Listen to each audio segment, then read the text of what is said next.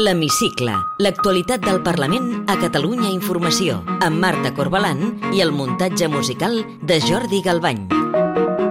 La meva presidència parteix d'una anomalia democràtica que entre tots ens hem de conjurar a revertir. Seré una presidenta que defensaré la sobirania del Parlament de Catalunya per damunt de tot.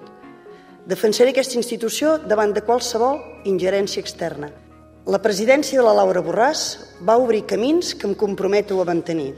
És Anna R., la nova presidenta del Parlament de Catalunya. Amb aquest esperit, la diputada de Junts comandarà la segona institució del país i agafarà el relleu a Laura Borràs, a qui se li ha retirat definitivament l'escó després de ser condemnada per prevaricació i falsedat documental quan dirigia la institució de les lletres catalanes. Mai abans, des del restabliment del Parlament el 1980, la cambra havia hagut d'elegir un nou president amb la legislatura en ple funcionament. Avui entrevistem el portaveu de Demòcrates i nou diputat diputat de Junts per Catalunya, Antoni Castellà, que ocuparà l'escó de Borràs. Benvinguts a l'Hemicicle. Després de gairebé un any d'interinatge, el Parlament torna a tenir una presidència en plenes funcions. Amb el suport de Junts i d'Esquerra i el vot en blanc de la CUP, la diputada i alcaldessa en funcions de Vic, Anna R, s'ha convertit en la segona autoritat del país. La presidenta sortit, Laura Borràs, ja ha posat deures a la seva successora. Elimina l'article del reglament de la cambra que va servir per suspendre-la com a diputada quan se li va obrir judici oral i mantenir viu l'esperit de l'1 d'octubre. Tenim, a més, el convenciment que al país li convé que hi hagi una presidència del Parlament compromesa amb l'1 d'octubre i amb tot el que hem viscut aquests anys. I per això, perquè pugui ser així, només pot ser una presidència de Junts per Catalunya. El president de la Generalitat, el republicà Pere Aragonès, confia que l'elecció de la nova presidència contribueixi a refer la unitat de l'independentisme. Celebro que es posi fi a la interinitat, eh, crec que és una bona ocasió doncs, per refer eh, confiances i decisions compartides entre els diputats independentistes. Eh, per part meva trobaran totes les facilitats perquè així sigui. La diputada de la CUP, Laia Estrada, ha lamentat que Esquerra i Junts només s'entenguin, segons ella, quan s'han de repartir càrrecs. Insistim, el problema que tenim és aquest, no? aquesta facilitat eh, que trobem entre Esquerra Republicana i Junts per Catalunya per entendre's eh, en relació al repartiment de cadires, eh, quina pena que no hi sigui a l'hora de posar-nos a fer feina i de traçar eh, la forma de reemprendre el conflicte amb l'Estat per fer avançar el nostre procés d'autodeterminació i, a més a més, fer-ho garantint els drets de la gent. La portaveu del PSC, Alicia Romero, creu que a partir d'ara toca obrir una nova etapa en què el Parlament recuperi el prestigi. És moment de normalitzar aquesta institució, és moment de, de prestigiar-la i és moment de tenir clar què volem fer amb el Parlament, eh, endreçar-lo, és el primer que, que tocaria, i per tant nosaltres el que ens preocupa, i ho saben, perquè ho hem dit moltes vegades, és què hem de fer i no tant qui. El portaveu d'en Comú Podem, David Cid, ha criticat que la presidència del Parlament continuï en mans de Junts amb el vistiplau d'Esquerra. Avui ens trobem una situació que nosaltres lamentem, que és que sembla que Junts per Catalunya pugui decidir unilateralment la presidència del Parlament i Esquerra Republicana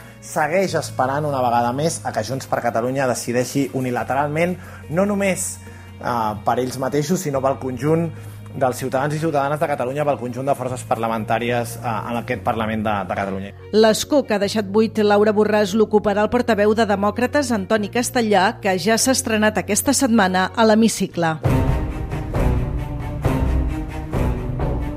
En aquest nou Parlament presidit per Anna R, qui ja no hi serà, és el fins ara portaveu de Ciutadans Nacho Martín Blanco.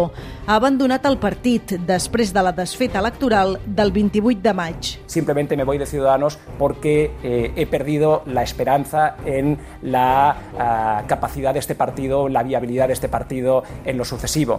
¿Quiere eso decir que yo tenga razón?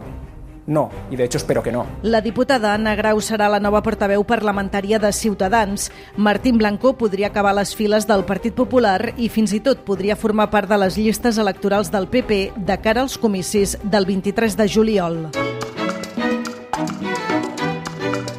Té la paraula Soc Antoni Castellà, sóc el portaveu polític de Demòcrates de Catalunya i ara diputat al Parlament en el grup parlamentari de Junts per Catalunya.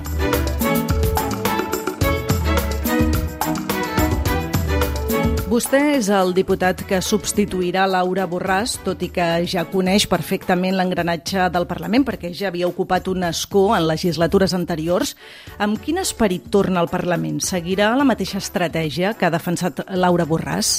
Bé, seguiré la mateixa estratègia perquè és la mateixa estratègia que vam acordar eh, tant a Demòcrates eh, de Catalunya com a l'acord que vam fer amb Junts al febrer del 21. Uh, per tant, com ho afrontem això? Lamentant profundament uh, aquest relleu, és a dir, no és un relleu normal, jo no ho tenia dins de la meva agenda política, en aquest moment la meva agenda política era exercir la posició de portaveu de demòcrates i la de portaveu del Consell de la República, però una vegada més l'estat espanyol força el seu estat de dret, l'utilitza en termes de guerra judicial i estableix un relleu. Um, per tant, la manera d'apartar la Laura Borràs uh, no ens sembla correcta i amb més reforç que mai la meva posició d'entrada al Parlament, això ho vam fer ella i jo conjuntament, és de donar-li continuïtat a l'estratègia independentista que ella ha portat en aquesta cambra. Tant vostè com Laura Borràs són ferms defensors de l'1 d'octubre. Com es pot avançar en l'aplicació del mandat de l'1 d'octubre? Jo crec que primer de tot primer de tot eh, i essencial, donant-li el valor que té i no intentar, com a vegades sembla que s'intenti, passar pàgina. Eh, sobretot per un principi de democràcia. És a dir, aquest Parlament va aprovar una llei de referèndum legal i vam cridar la gent a votar i la gent va anar a votar i va defensar amb el seu cos les urnes. Tant el mandat de l'1 d'octubre no va ser una mobilització, va ser una llei aprovada pel Parlament de Catalunya que ens va permetre, amb un acord de govern signat pel president de la Generalitat, anar a votar i vam anar a votar i ho vàrem fer malgrat la violència exercida per l'estat espanyol. I va guanyar el sí. Bé, aquest sí no és interpretable. Cap líder polític, cap partit, cap cambra té dret a interpretar-la. És més, fins i tot si el Parlament de Catalunya volgués reinterpretar, hauria de convocar un altre referèndum. Tant eh, no està en les nostres mans. I això vol dir que cada acció política cada acció de govern tingui a veure amb avançar cap aquí. Des del govern de la Generalitat, eh, un govern que és autonòmic, però no és el mateix un govern autonòmic que fer autonomisme. Cada acció que es faci des del govern, les condicions de bona gestió, és la mínima que se li demana a un polític, la mínima. I la màxima és elevar quotes de poder i preparar tenir el màxim de poder per arribar a un punt de desbordament democràtic. Ho vam demostrar l'1 d'octubre, amb unitat, institucions i desbordament democràtic és possible, ho vam fer l'1 i podem acabar la feina. Creu que l'actual govern d'Esquerra, presidit per Pere Aragonès, eh, està fent autonomisme? Uh, no sé si és la seva voluntat, però ho sembla molt. És a dir, l'actual govern uh, d'en Pere Aragonès jo crec que han separat el procés d'independència de la gestió del govern, el procés d'independència l'han emmarcat amb una estratègia eh, de suposadament diàleg amb l'Estat eh, i senzillament el que es pretén és esperar que algun dia l'Estat s'aixequi pel matí i ens digui doncs sí, teniu raó i us reconec el dret d'autodeterminació jo crec que és una estratègia fallida. Fa cinc anys que estem amb aquesta estratègia, no hem avançat ni un mil·límetre. Per tant, i estic convençut que Esquerra Republicana farà la reflexió eh, de retornar a una estratègia que va ser la guanyadora. Només hem guanyat l'1 d'octubre, aquesta és la guanyadora. Doncs el govern, jo crec eh, que s'ha separat amb i es planteja allò que es diu de la gestió del dia a dia. Jo no ho comparteixo.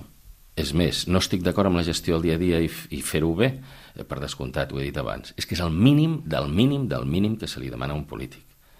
I el màxim és uh, fer alguna cosa més. I tenim molt marge amb un govern al qual pot exercir en la protecció del fet nacional molt més del que està fent. Creu que és possible recompondre la unitat independentista si Esquerra segueix amb aquesta estratègia de negociació amb el govern espanyol? Jo crec que no només és possible, és desitjable i estic convençut eh, que ho recuperarem i acabarem aquí.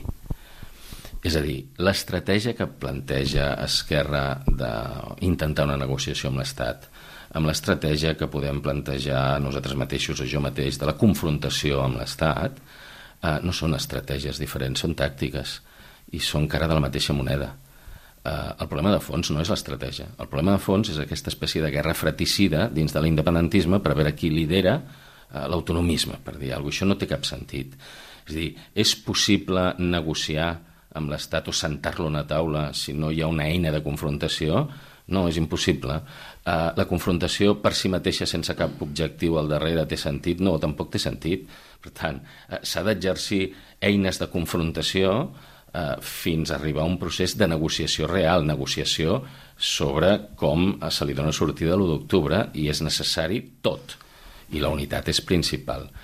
I jo crec que ha estat legítim, Esquerra ha proposat aquesta tàctica, jo crec que no ha sortit, eh, però hem de fer una reflexió conjunta. I sobretot dintre de l'independentisme no, no, jo no sóc dels que entren a dir doncs uns s'han equivocat i els altres no, per tant, aquest no és l'objectiu. L'objectiu és que posem tot sobre la taula i recuperem una estratègia conjunta que és la que ens va portar la victòria de l'1 d'octubre. I crec que no només és possible sinó que estic convençut que això passarà. No sé si al final d'aquesta legislatura o necessitarem una altra, però això passarà. El president aragonès eh, va demanar fa uns dies fer un front democràtic per defensar Catalunya, els drets i les llibertats davant l'auge de la dreta i de l'extrema dreta.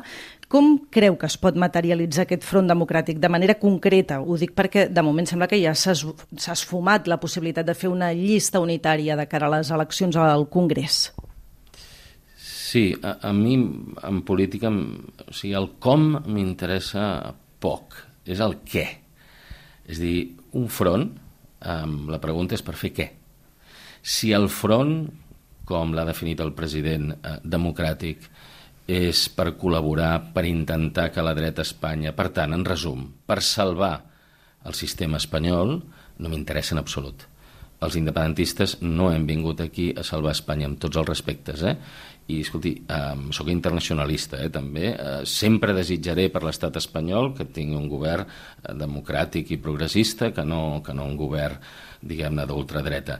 Però no és la meva responsabilitat ni el meu problema, el meu problema és salvar Catalunya i en tot cas el reconeixement al dret d'autodeterminació i l'exercici de la independència de Catalunya.